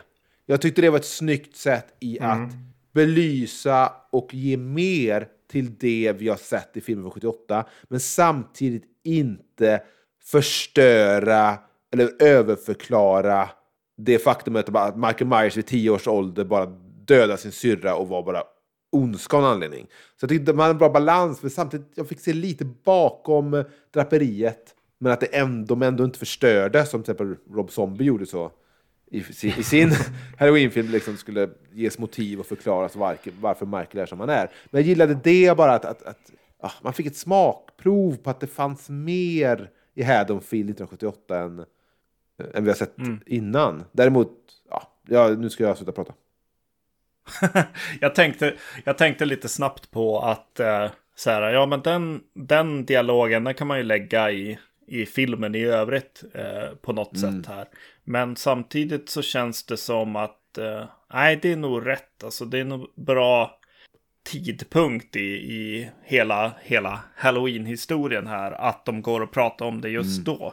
Eh, men i övrigt måste jag säga att jag, jag är ju ganska Ja, ty, jag är allergisk mot eh, prequels eh, överlag. För jag, jag, tycker oftast att de redan har, har sagt vad som, vad som behövs för att jag ska kunna se en, en film som, eh, jag vet inte, eh, Psycho till exempel. Så sägs allting i den, den filmen. Eh, och det som jag behöver ta med mig från dåtiden. Mm det, det, får jag med mig i ja, filmen. Du, du kan, man, man kan ju jämföra Star Wars och New Hope och att de gjorde Rogue. Den, Rogue ja. One. Det, det är du som säger alltså. ja, hade, allt som behöver vara med för att berätta historien från punkt A är ju redan med. Mm. Så en prequel behövs ju aldrig utan det, det är bara för att fansen ska få mer av någon. Alltså egentligen, det behövs aldrig för storyn. Nej, precis. Och, och, det är väl det lite grann som jag känner här också. Att så här, ja, men vi har ju redan, vi har ju redan i första filmen av de här nya då, uh, så har vi ju fått den här polisen. Han var där uh, när Michael Myers blev uh, ditsatt och han har ett, en ånger någonstans i mm. sig. I, det, det är någonting han inte tog tag i då. Uh, och det, det fick vi reda på då redan, i, i för, förra filmen. Eh, så det känns ganska Men kan det, kan det också ha varit med så. för att lite alltså koppla första filmen, det som hände då mer till den här filmen, så att vi, så vi förstår karaktärerna mer och det här ärret som Haddonfield bär mm. på. Att det kan också vara det, att koppla dåtid till nutid lite för publiken på ett sätt som man kanske inte gör om man bara pratar om det som hände i den där filmen från 78. Så kan det också det. liksom... Men i, i, i ett sammanhang där det här är en extremt otajt film. Så är ju det någonting som, även om jag kan uppskatta den här lilla glimten. Det kändes som, nästan som att jag satt och tittade på deleted scenes från, från eh, mm. originalet. Ja, typ, nästan. Ja, det är lite, från, lite, lite från tv-versionen. Ja, typ. men, men, men så, så, den här är ju en film som hade behövt släppa lite grejer stryka saker. Och det där är ju något som hade gått bra att stryka. Även om jag gillar också Loomis där. Jag blev också lite förvånad. Det, mm. det var ju inte som eh, Peter Cushing i nej, redan nej. nämnda Rogue One. När, man, när det känns som jag sitter och tittar på en cutscene i ett eh, datorspel. Och jag, jag gillar han som får spela Michael Myers. Jag tycker de har hittat någon som kan röra sig ungefär som han gör i, i eh, originalet. Och sen är det, det är någonting märkligt med att se Michael Myers ge upp. Jag kunde inte riktigt ja. smälta det. Att han när han kommer ut och poliserna står med dragna vapen. Det kommer vi visserligen lite senare tror jag. Men det är ju den här tillbakablicken. Att han som bara går ner på knä och typ sätter händerna bakom huvudet. Men det, det, gjorde han ju även när han var tio år. Det är väl en blinkning ja, lite till, till, början på halloween där. Det jag kände var, alltså, du menar att, att det skulle vara mer vara så suicide by copit?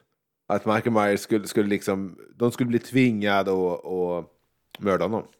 Han har ju inte visat något tecken på att stanna tidigare i filmen. Men å andra sidan har han inte haft Men fem snutar med dragna vapen mot sig. tonårsflickor. Ja. Men det jag kände dock var att jag vet inte vart ni känner att de kommer ta det här till en tredje film och sånt. Om Michael Myers nu är någon sorts ondska personifierad och övernaturlig. För han måste ju vara det i hur de um, väljer att liksom beskriva honom och visa upp honom i allt han överlever. Och det är även med i den här flashbacken. För att han har ju blivit skjuten sex gånger i det här universumet av Tor Loomis. Men sen dyker han upp igen i sitt, i sitt hus då och kan ge sig på två poliser. Och det verkar inte som att han riktigt, jag ser inte liksom blod eller skotthål. Alltså, för men hade jag gjort, hade jag fått skriva början satt 1978 så hade jag nog haft det så såklart att poliserna är ute och letar efter honom. Det, det, är liksom, det är liksom halvtimmen efter de här morden och allting. Och polisen letar efter en, en förövare. Men jag hade nog lagt upp det mer så att poliserna sen stöter på liksom blodspår och de rör sig mot ett hus där någon har brutit sig in. Och så kommer de till liksom ett badrum där någon kanske har försökt få tag i bandage och sånt. Men så ligger Michael Myers mm. där bara typ, de tror han är död eller avsvimmad.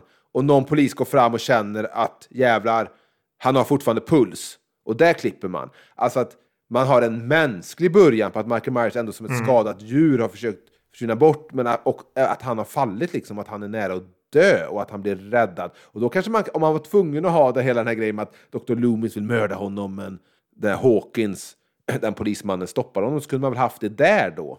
Men hela det här att Michael Myers, efter att ha fått sex skott i sig av Dr. Loomis, fortfarande då kan ge sig ut och, och mörda som om ingenting hade hänt och sen kan stå där. Det känns bara för mig som att om de inte väljer då att förklara det som att det finns någonting övernaturligt, vilket ja, det är tråkigt om det sker. Men det, så, eh, så tror man hade, jag tror man hade kunnat gjort Michael Myers mer, detta gäller hela filmen nu då, jag tror man hade kunnat gjort Michael Myers mer till en människa utan att det för den, den skulle, skulle, skulle bli läskigt. Och jag tror man hade eh, kunnat göra allting mer liksom, realistiskt istället för att man får en hel stad, att någon sån mobbverksamhet de åker runt, så kunde det väl, kunde det väl varit mer så här, timmen efter Laurie Strode hus har brunnit ner, polisen är ute och letar efter Michael Myers, eh, du vet, och ta det därifrån. Det, det, det de försöker göra här är att göra Michael Myers till en symbol. In, alltså, och det mm. är han väl lite grann i, i, i originalet också. Men ja. det är han som mer en symbol för, för, för att vara alltså, mörk, rädslan för mörkret eller någonting. Ja. Eh, the Boogeyman.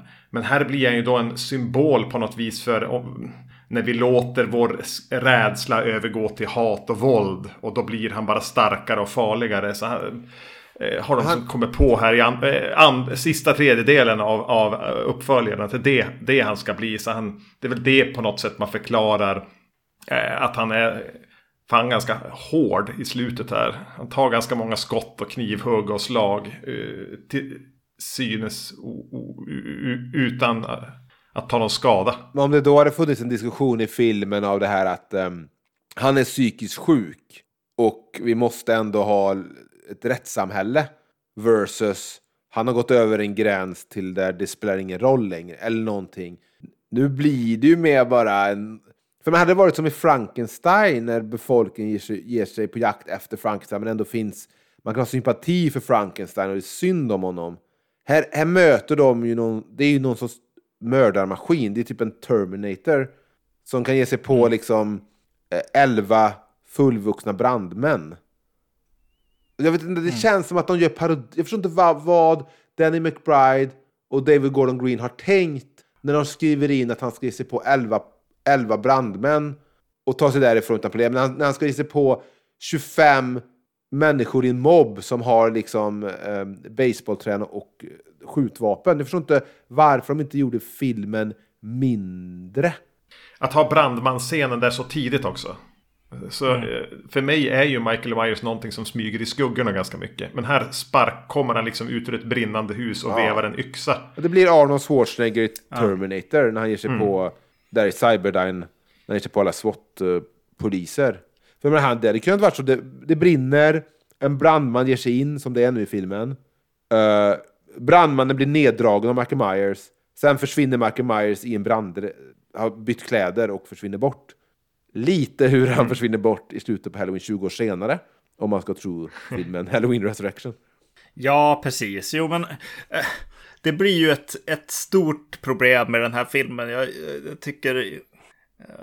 Jag blir sur på den. Jag, blir, jag blir väldigt mycket fanboy på något sätt av första filmen.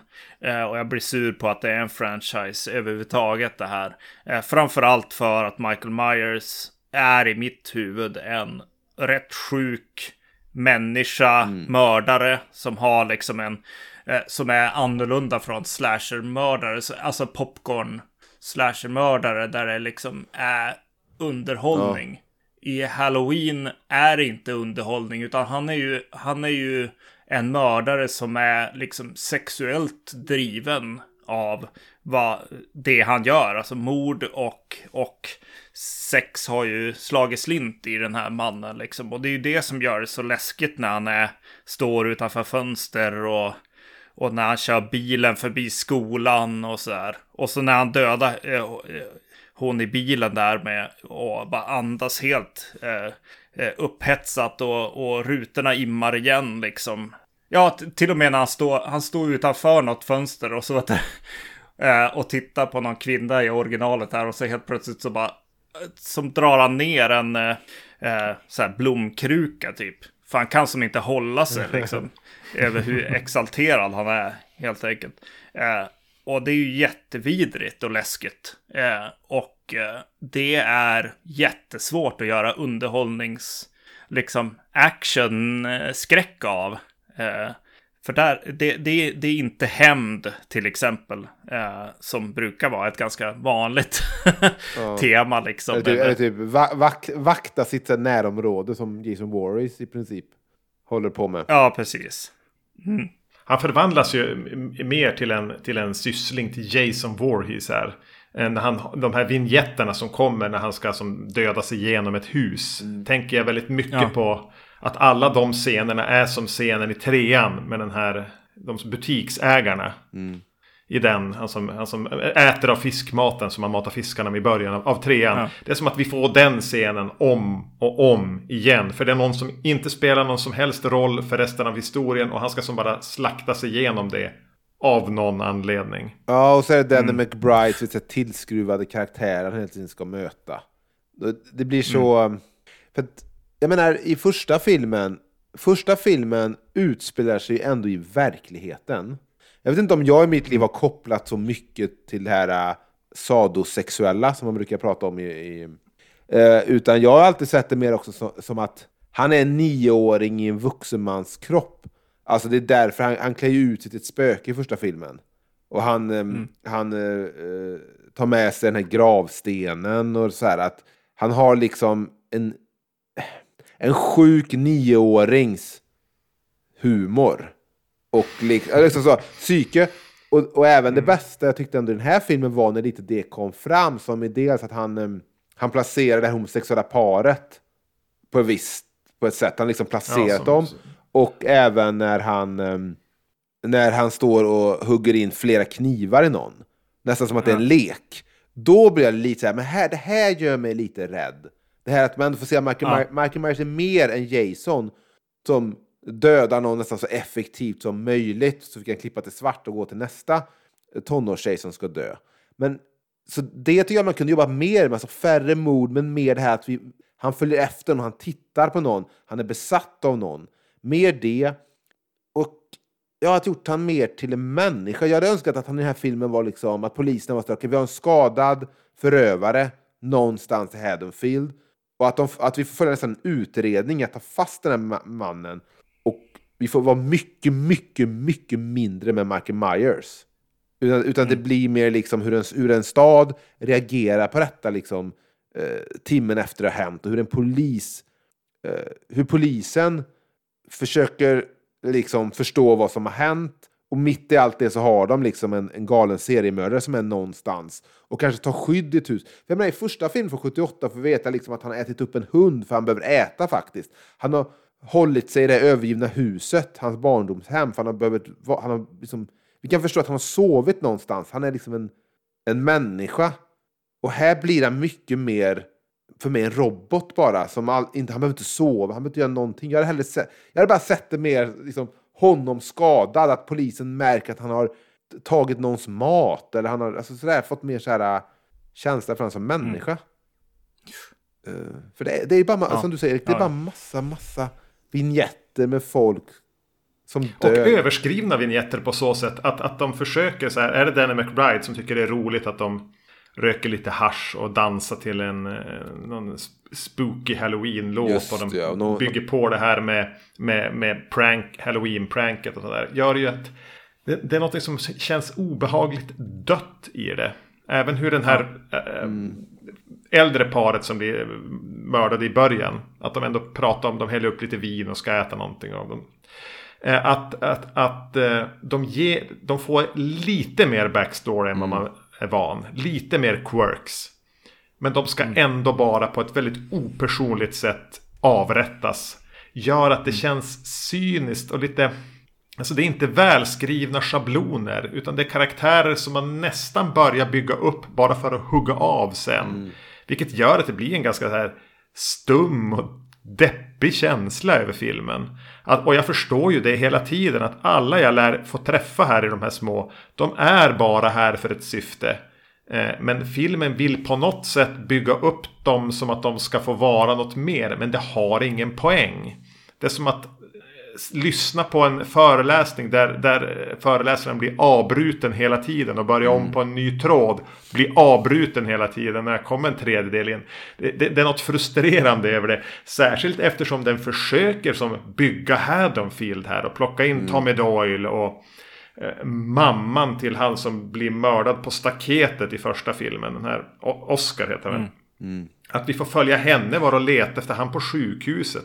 Men det ger ju ingenting. Det har ju ingen funktion. Det, känns, det känns bara o, lite obehagligt. Uh, att, att det finns ingen, ingen riktig intresse för, för människorna här. Det är bara att någon som tror att om jag skriver in de här scenerna. Om de får sitta och titta på någon Gina Rowlands film på, på, på Blu-ray. Yeah. Så ska jag bry mig mer om dem. Men det, jag känner bara manusförfattarnas cynism där. Men det är också, och det, mm jag blir så överraskad för att jag tyckte inte om den förra filmen och jag såg om den nu innan jag såg Halloween Kills. Därför mm. 2018, jag tyckte inte om den. den. Den är ett stort misslyckande. Men med David Gordon Green, alltså, det, var, det känns ändå som i hur de har sålt in det, hur de har klippt en trailer, hur de pratar om filmerna. Att vi gör någonting annat. Vi respekterar första Halloween och vi gör inte bara en slasher i mängden. Nej. Men blir inte ni så överraskade av när den här filmen kommer och det nästan är som att de har velat göra en slasher i mängden? Att nästan, ja. i, för jag menar det här du pratar om att den här mamman till den här karaktären Oscar som dök på staketet första filmen.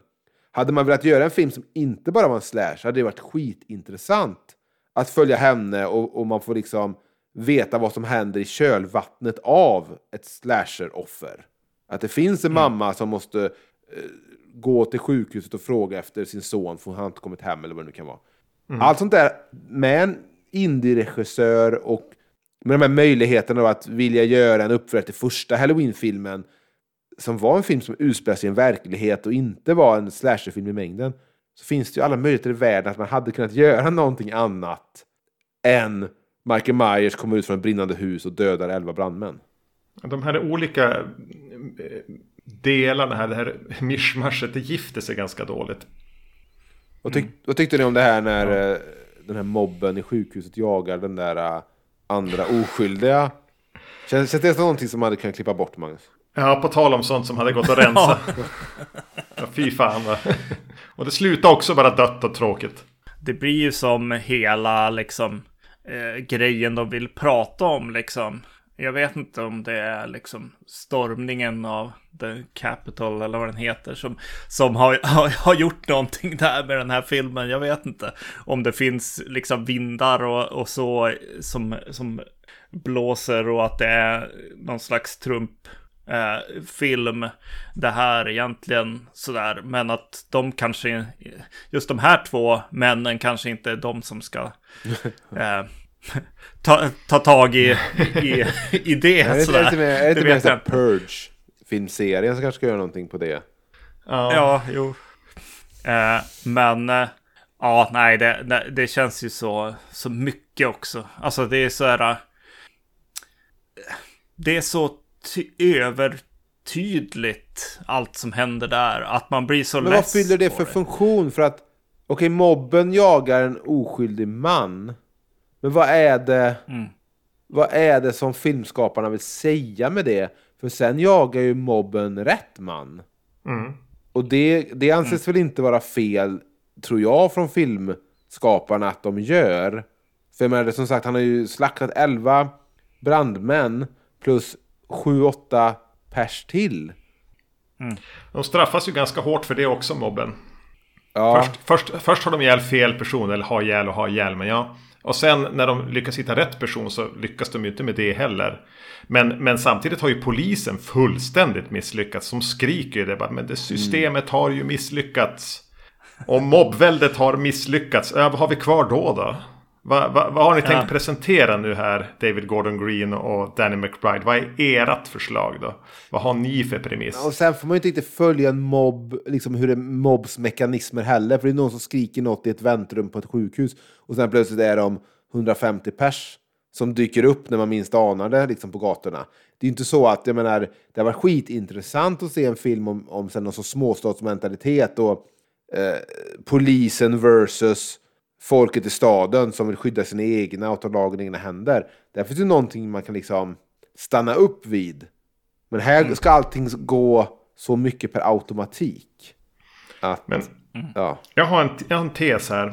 Är det kanske så att slasherfilmer fungerar ganska dåligt utan en tydlig protagonist? För vem är den här filmens huvudperson skulle ni säga? Michael Myers. Du väntar på ett, ja. på, på, på, ett klokt ja. inspel från dig här Magnus. ja, nej, pass. ja, men som Emil är väl närmast. Michael Myers är ju den som får... Det är han vi följer. Eh, ja, han får vi följer. Mm. Sen skulle näst mest tid i rutan ha väl eh, den här Tommy Doyle. Mm. Jag förstår inte riktigt varför, för det är väldigt... Ja. Alltså det hela det här... Fan. Jag visste ju att, jag visste ju att karaktärerna från första filmen skulle dyka upp i den här igen. Men att de skriver in det här lite smålöjliga i att varje halloween så träffas de för att hylla... Mm. Jag säga, det konstiga med det var, okej okay, jag kan förstå om liksom, Tommy Doyle och den där unga flickan som båda barnpassades av Laurie Strode i första filmen. Mm. Om de träffas, men varför skulle den sjuksköterskan som väl har... Smith Grove, som ju inte ens bodde i stan. Nej, har inte hon också kanske lite mer roll i Halloween 2? Eller kanske, jag vet inte hon är med. Ja, men vet hon, hon körde väl dit Dr. Loomis, sen dyker hon upp i slutet för att säga till Dr. Loomis liksom att komma hem väl? Eller något åt det hållet. Mm. Uh, det är så konstigt att så har hon flyttat till Haddonfield då? Eller åker hon in och tar in på något bed and breakfast varje år? För att vara med på den här sjaskiga baren. Det, det var så jag vet inte, det, det kändes nästan som att väldigt mycket var så fanskrivet. Att här, hur ja. får vi ihop, hur kan vi få ihop Freddy och Jason? Hur kan vi få in sjuksköterskan ihop med den lilla pojken från första filmen? Och sen blev jag också väldigt besviken för jag tycker att den sjuksköterskan, jag vet inte vad skådespelaren heter nu, men hon är ju även med i Halloween 20 år senare. I början där, i någon sorts mm. prolog eller starten på filmen. Och den scenen har alltid jag tyckt om väldigt mycket, att den är lite läskig, att hon, hon har haft inbrott hemma av Michael Myers som ska hjälpa grannungarna. Och sen går hon runt där inne så blir hon dödad. Hon blir dödad två gånger av Michael Myers ändå. Samma karaktär blir dödad två gånger. Ja, jag tycker att, att som mm. så mycket så tycker jag Halloween 20 gör det med mer klass och mycket ja. bättre än att ja, än vad de gör här. Ja. Mm. ja, och de har ju samma, de har ju samma roll som Laurie Strode på något sätt ändå. Alltså de har, de har ju gått igenom ungefär samma, samma resa liksom. Det är som att de här manusförfattarna ser bara en outcome om man har varit med om något traumatiskt på något sätt. Eh, ja, ingen det verkar ju kunna släppa någonting i alla fall. Nej, och, eh, och det här att ta upp eh, vapen, bli, bli hård, hård träna. Nästa gång ska jag, ska jag klara mig. Liksom. Får, får man inte lite känslan av att, att den här Lonnie karaktären har ljugit ihop att han ens träffade Michael Myers. Han behöver bara ja. något i sitt liv. Ja, han säger ju det att han aldrig hade vågat sig in i huset i alla fall. Um, ja, och det är också konstigt att äh, där då känner de också behov av att skriva in en till karaktär som stöter på Michael Myers den kvällen. Alla andra i det gänget har ju en koppling till första filmen. Mm. Men sen skriver de in en till karaktär som de får skapa en koppling med. Ja, så Lonnie är ju med i originalet. Ja, precis. Han är det va? Ja, han går ju upp till dörren och, och Loomis skriker åt honom. Lonnie! Get Jaha. your ass out of here! Så de, de har verkligen suttit och skrivit ner alla karaktärer de kunde hitta där.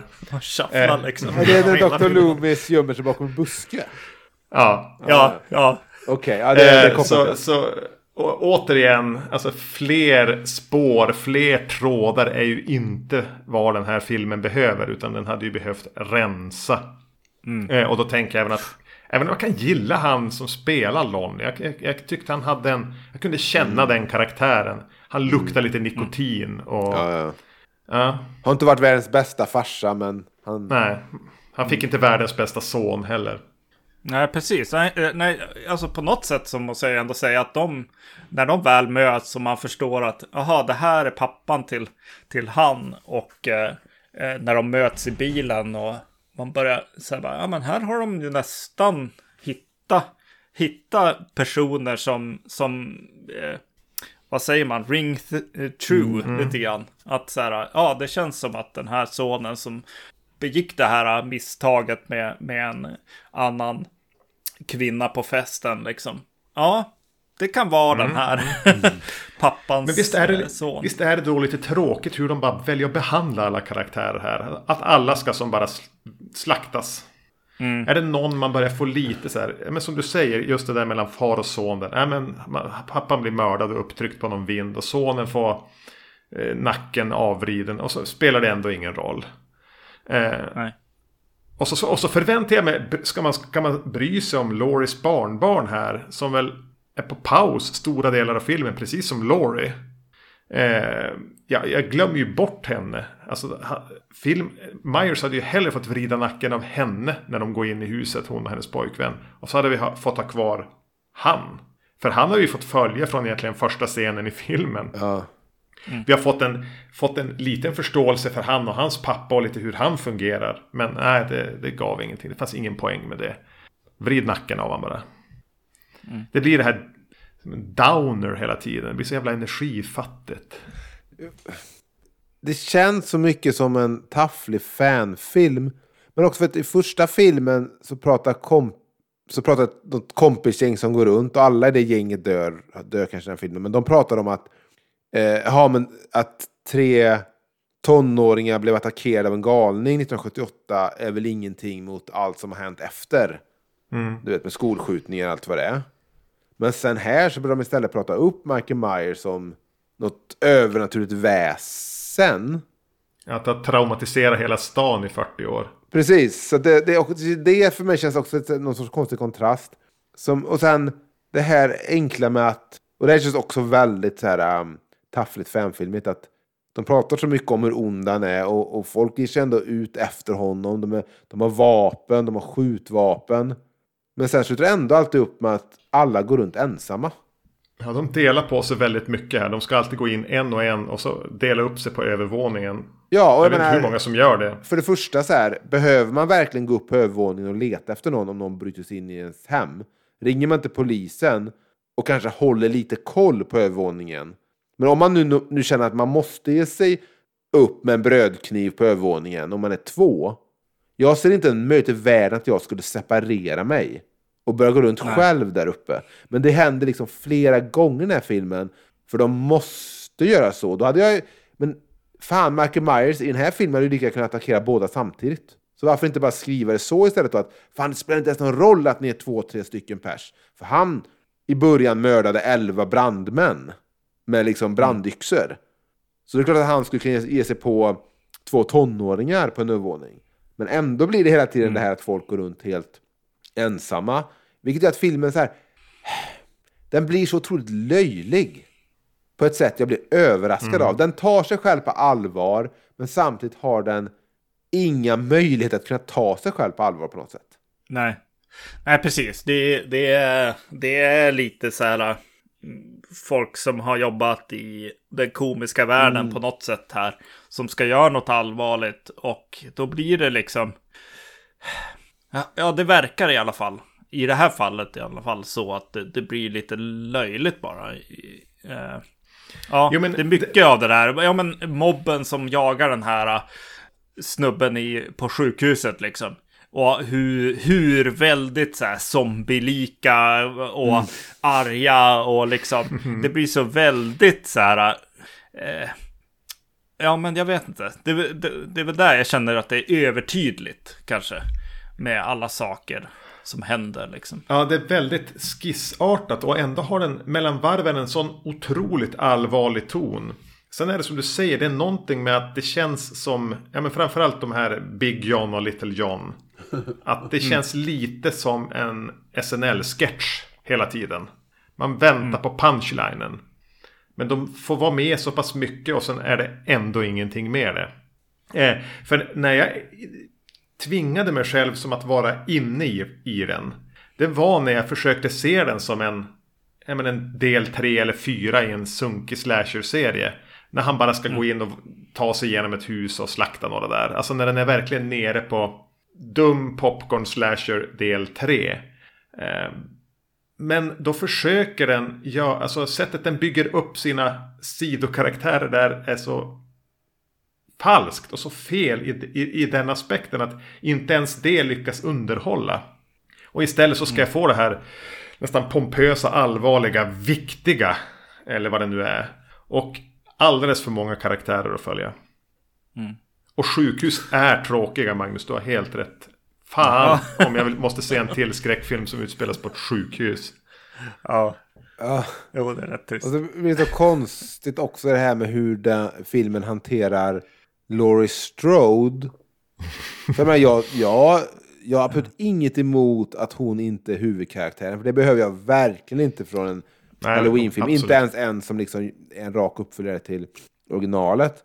Men mm. Det kommer nog bli... Samtidigt vet jag ju om att hon säkert kommer att ha en väldigt, väldigt stor roll i tredje filmen. Gissar mm. jag. Jo. Hon kommer ge sig då på jakt efter Michael Myers, för han mördar ju hennes dotter i den här filmen. Också i slutet. Så att, men då kommer det bli väldigt konstigt att se de här filmerna, för när jag kollar på alla de tre Sagan om ringen-filmerna så är det inte så att några karaktärer bara försvinner bort. För att det inte finns någonting... Alltså, det, alltså, jag har inget emot att hon försvinner bort. Men det är konstigt när jag vet om att hon egentligen ändå kommer vara viktig för filmserien troligtvis. Mm. Det ja. bästa den här filmserien kunnat göra, om man nu vill göra ett statement om att hon är inte Michael, Michael Myers syrra, hon är ingen som egentligen Michael Myers bryr sig om, är att hon borde dödas i första filmen. Typ. Eller att hon var en galning som används som någon sidokaraktär i första filmen. Att hon får en så otrolig vikt, men ändå nu bara försvinner bort och ligger i en sjukhussäng och skådespelar eh, lagom dåligt. Ja, hon är inte i hög form. Alltså, undrar vad hennes lönecheck var. För hon ligger liksom i en sjukhussäng. Hon blir opererad på, ligger i en sjukhussäng och småpratar med, mm. med den där Hawkins. Hawkins. Eh, ganska behaglig skådespelarinsats och hon har ju inte riktigt brytt sig heller. Nej, men det är så Nej. sjukt för mig. Vi behöver inte jämföra då Halloween 20 år senare som en hyllning till första filmen och det här. Men hon... Ja. Men vi gör det ändå. Hon är en sån otroligt mer intressant karaktär i Halloween 20 år senare. Och, fan, och det, den, säger man väl om den Michael Myers att de bytte det, olika masker i olika scener. De hade en, någon datorgjord mask i någon bild från tvungna om det. Allt det där. Det är ändå en, en fan, jag ska inte uttala mig den här filmen, jag har inte sett den på två år. Men det är ändå en människa som ger sig in på det här skolområdet och ger sig på Jamie Lee Curtis och hennes son och allting. Det är fan läskigare också för mig i all den filmens tafflighet och problem som den har. Än här ja. när no, de skjuter Michael Myers och han, går, han, han fortsätter gå som en Terminator. Du vet, de, de slår på honom och det spelar ingen roll. Och när han, när han gav sig på de här brandmännen i början var det nästan som en... Eh, som att det var en så här, man, Jag kunde se ballettdansen som skådespelarna hade lärt sig. Jag kunde se koreografin. Det var mm. liksom... Ja, nej, det, ja, nej, jag vet inte. Jag, ja, jag, jag, jag blev väldigt överraskad när jag såg den här filmen.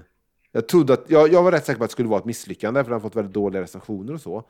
Men jag kan inte förstå, när de gav sig kast med de här filmerna, hur de kunde sluta upp med det här manuset och att de gjorde mm. så här. Även för de liksom, som älskade den från 2018. Många tycker den är skitbra och den är så här, du vet, eh, otäck och häftig och så här. Jag förstår inte hur man kunde hamna upp med den här filmen.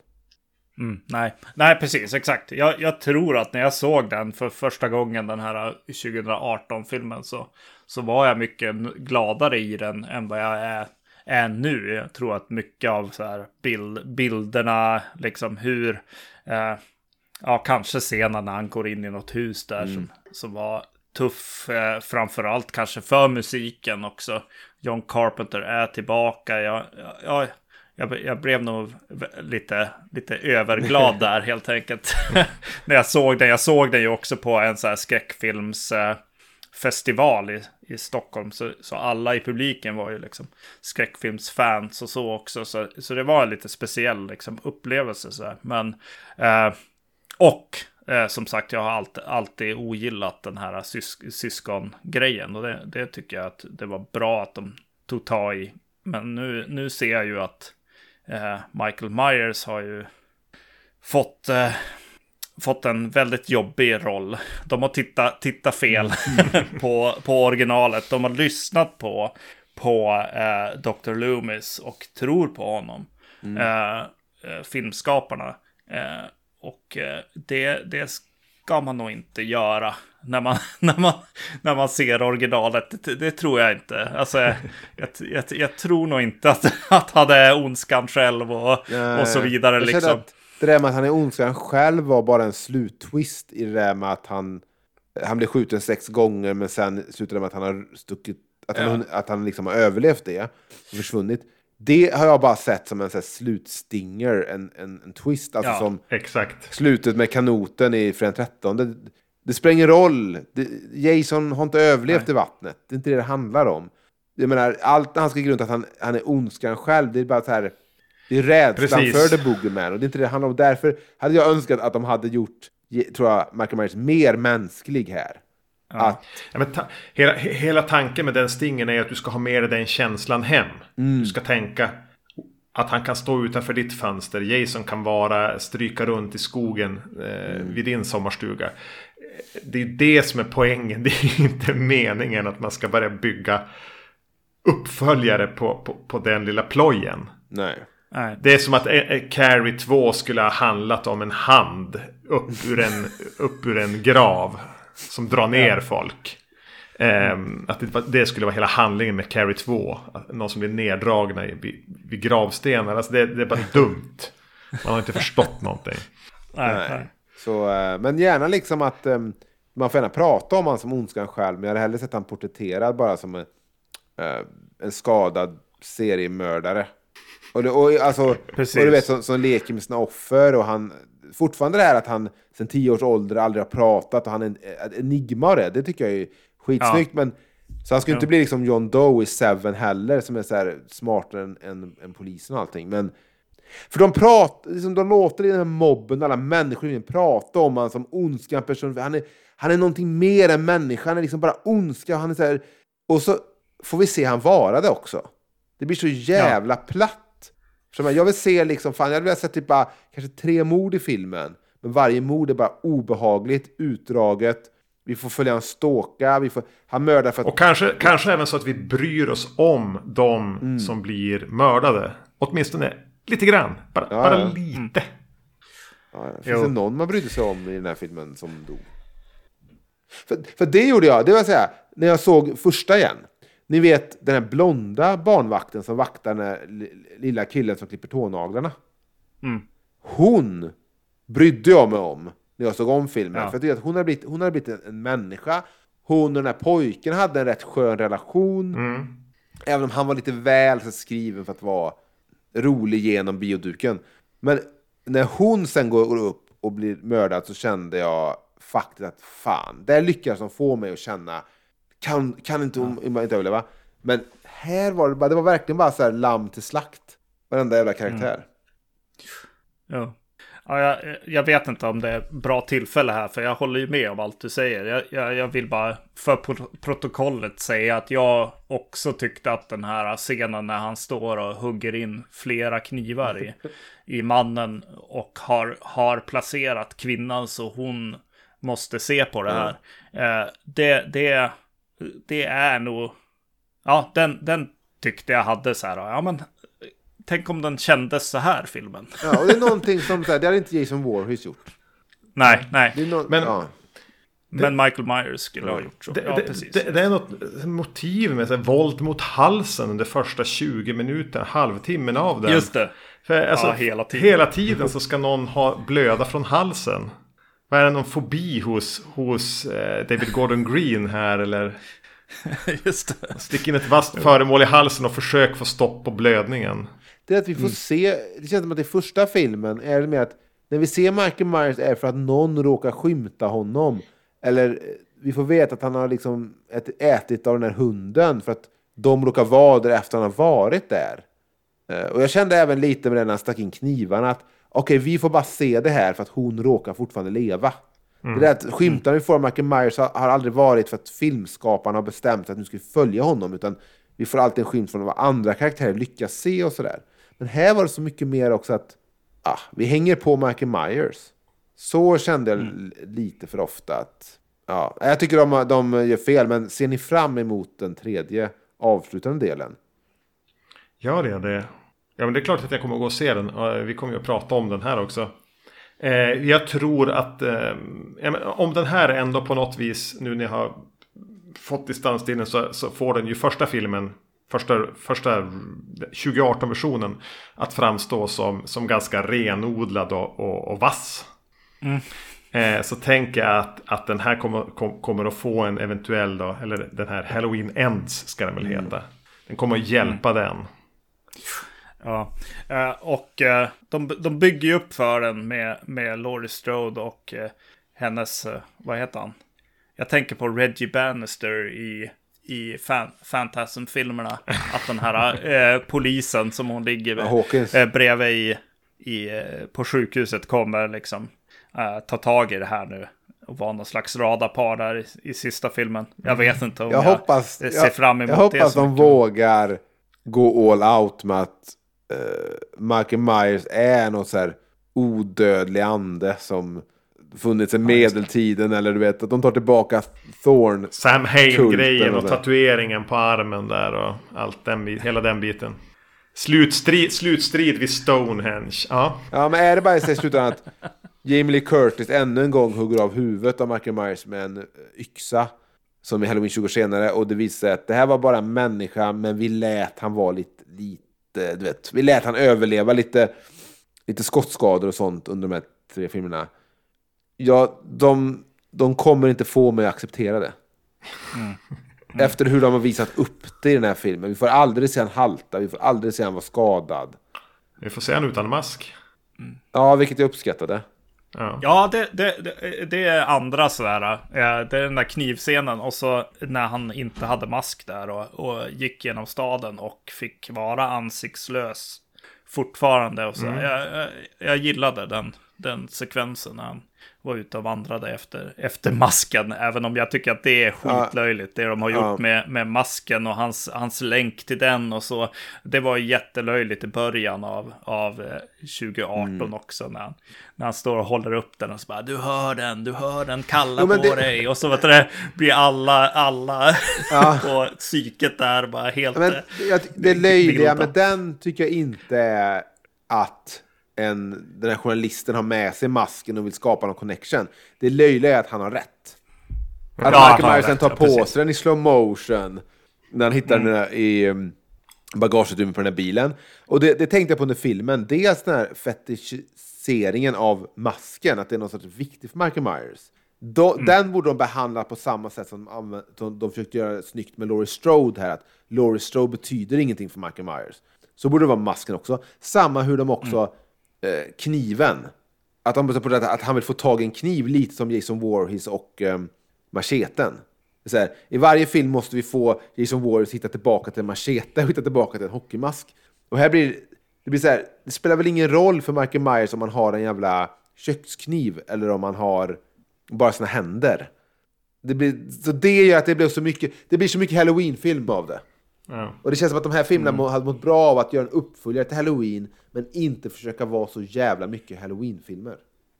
Mm. Och borde haft kanske lite, lite mer Dr. Loomis. När man ändå fick chansen att hitta någon som såg så lik ut. ja.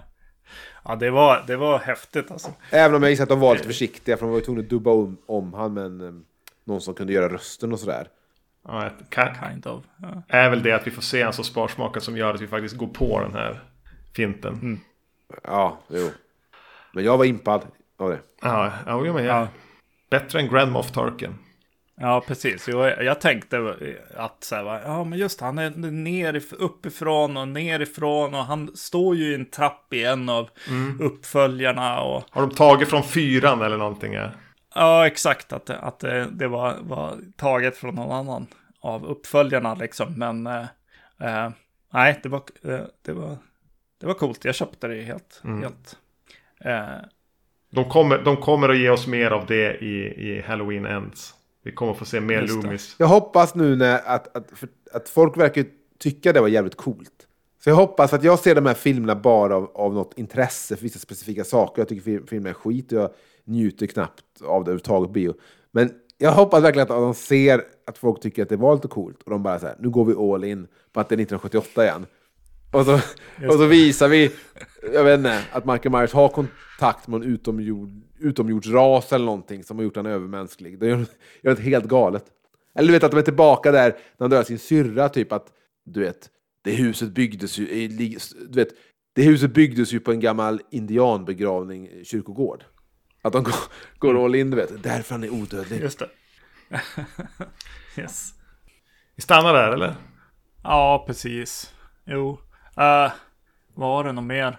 Ja, jag tänkte på Mytos, liksom uppbyggnaden. Att han stod vid fönstret i hans sy syrras rum och titt stirrade ut. Det var typ... Det var väl okej. Okay. Det var okej okay, tyckte jag. Han, ja, men sen var det så här, för att han såg sig själv i reflektionen. Vad betyder det? Ja, sen pratade de sönder det för mycket. Men, men att han hade, faktiskt hade valt att stå där. Han drogs dit av någon anledning. Ja, men det att, att han sa Jo, men det... Alltså det där med att han... För det ser väl också polisen där första scenen att han stod ibland bara i sin systers rum. Och det kunde mm. jag köpa. Så kan han besatthet av henne? Hon har blivit könsmogen. Om man använder mm. ordet om människor, det kanske bara om djur, jag vet inte. Men eh, hon är inne i puberteten kanske. Hon kanske har börjat få mens och han liksom reagerar på det och påverkas av det. Och det blir det sadosexuella. Det är, jag, det är så, okej, okay, men han hänger i hennes rum, jag fattar det, jag förstår att han har besatt av sin syster. Men sen så är det som att det återkommer som att det är någonting viktigt och då känner jag mig dum. För jag är så här, vadå att han stod och såg sin egen reflektion? Det gör han väl i alla fönster?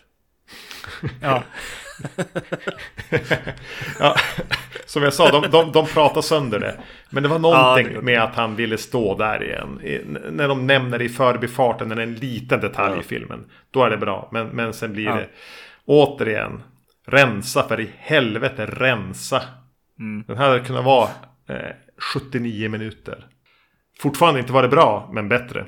Nej, det är som att se vad det, extra materialet på, vad heter den? Uh, The Hobbit-trilogin. Uh, eh, när de helt plötsligt bara stan uh, kommer på sig själva med att bara stå och, och filma en massa slag och, och folk som bara står och slår och så helt plötsligt så bara säger Peter Jackson, eller vem det nu var, vänta, vad håller vi på med? Va, vad gör vi för filmer? Va, va, varför är vi här? Stoppa allting, vi måste fundera lite på vad vi gör. Uh, det är lite det att så här. Ja, det hade behövts här. Uh, ja, att någon... Uh, ja, jag vet inte. Det, det, är för, det är för mycket, för lite material brett över för många filmer, helt klart. Alltså, eh, nästa film kommer man ju fatta att så här, jaha, det här var bara, det här var bara första tio minuterna av nästa film. Ja, men det, kan, mm. det, det är ofta problemet som kan uppstå, nu kommer jag inte på någonting, men så kan det ofta vara i tv-serier också. När man väl har sett färdigt en tv-serie så inser man att, men vänta nu, inget händer ju avsnitt 4, 5 och 7. Mm. De avsnitten kunde man lika helt skippat, du vet. När man satt dem hade, hade man inte den kollen på vad som är viktigt och inte. Men så kommer det nog kännas här också. För annars, jag tycker grundidén i att ha en film där första filmen är kvällen, typ andra filmen hade varit natten kanske, och tredje filmen hade bara varit morgonen på något sätt. Och någon, eh, det finns någonting i det att göra nästa film som utspelar sig i realtid sådär. Ja, Tight. det kommer de inte att göra. Det här kommer ju vara fem år senare eller någonting. Ja, jag tror det ska vara, fy ja, det ska vara fyra år senare tror jag. Ja, okej. Okay. Så jag gissar att det kommer vara... Läker. Ja, men jag gissar att det kommer vara så här. Michael Myers försvann. Jamie Lee Curtis är på jakt för att hämna sin eh, dotter. Det mm. kommer att vara lite som John Carpenters Vampires. I postapo USA. hon, hon och hennes den här barnbarnet, de kommer åka runt då. Möjligtvis att han, han killen dog ju, hans huvud vreds uh, 180 grader.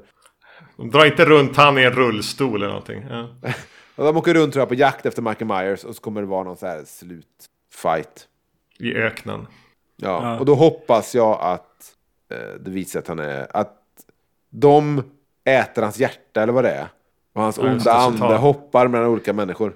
Och sen så... Blixtar och 80-talsljus och sådär. Ja, det måste in. Ja, jag tänker fortfarande Stonehenge. Jag sa det, Stonehenge.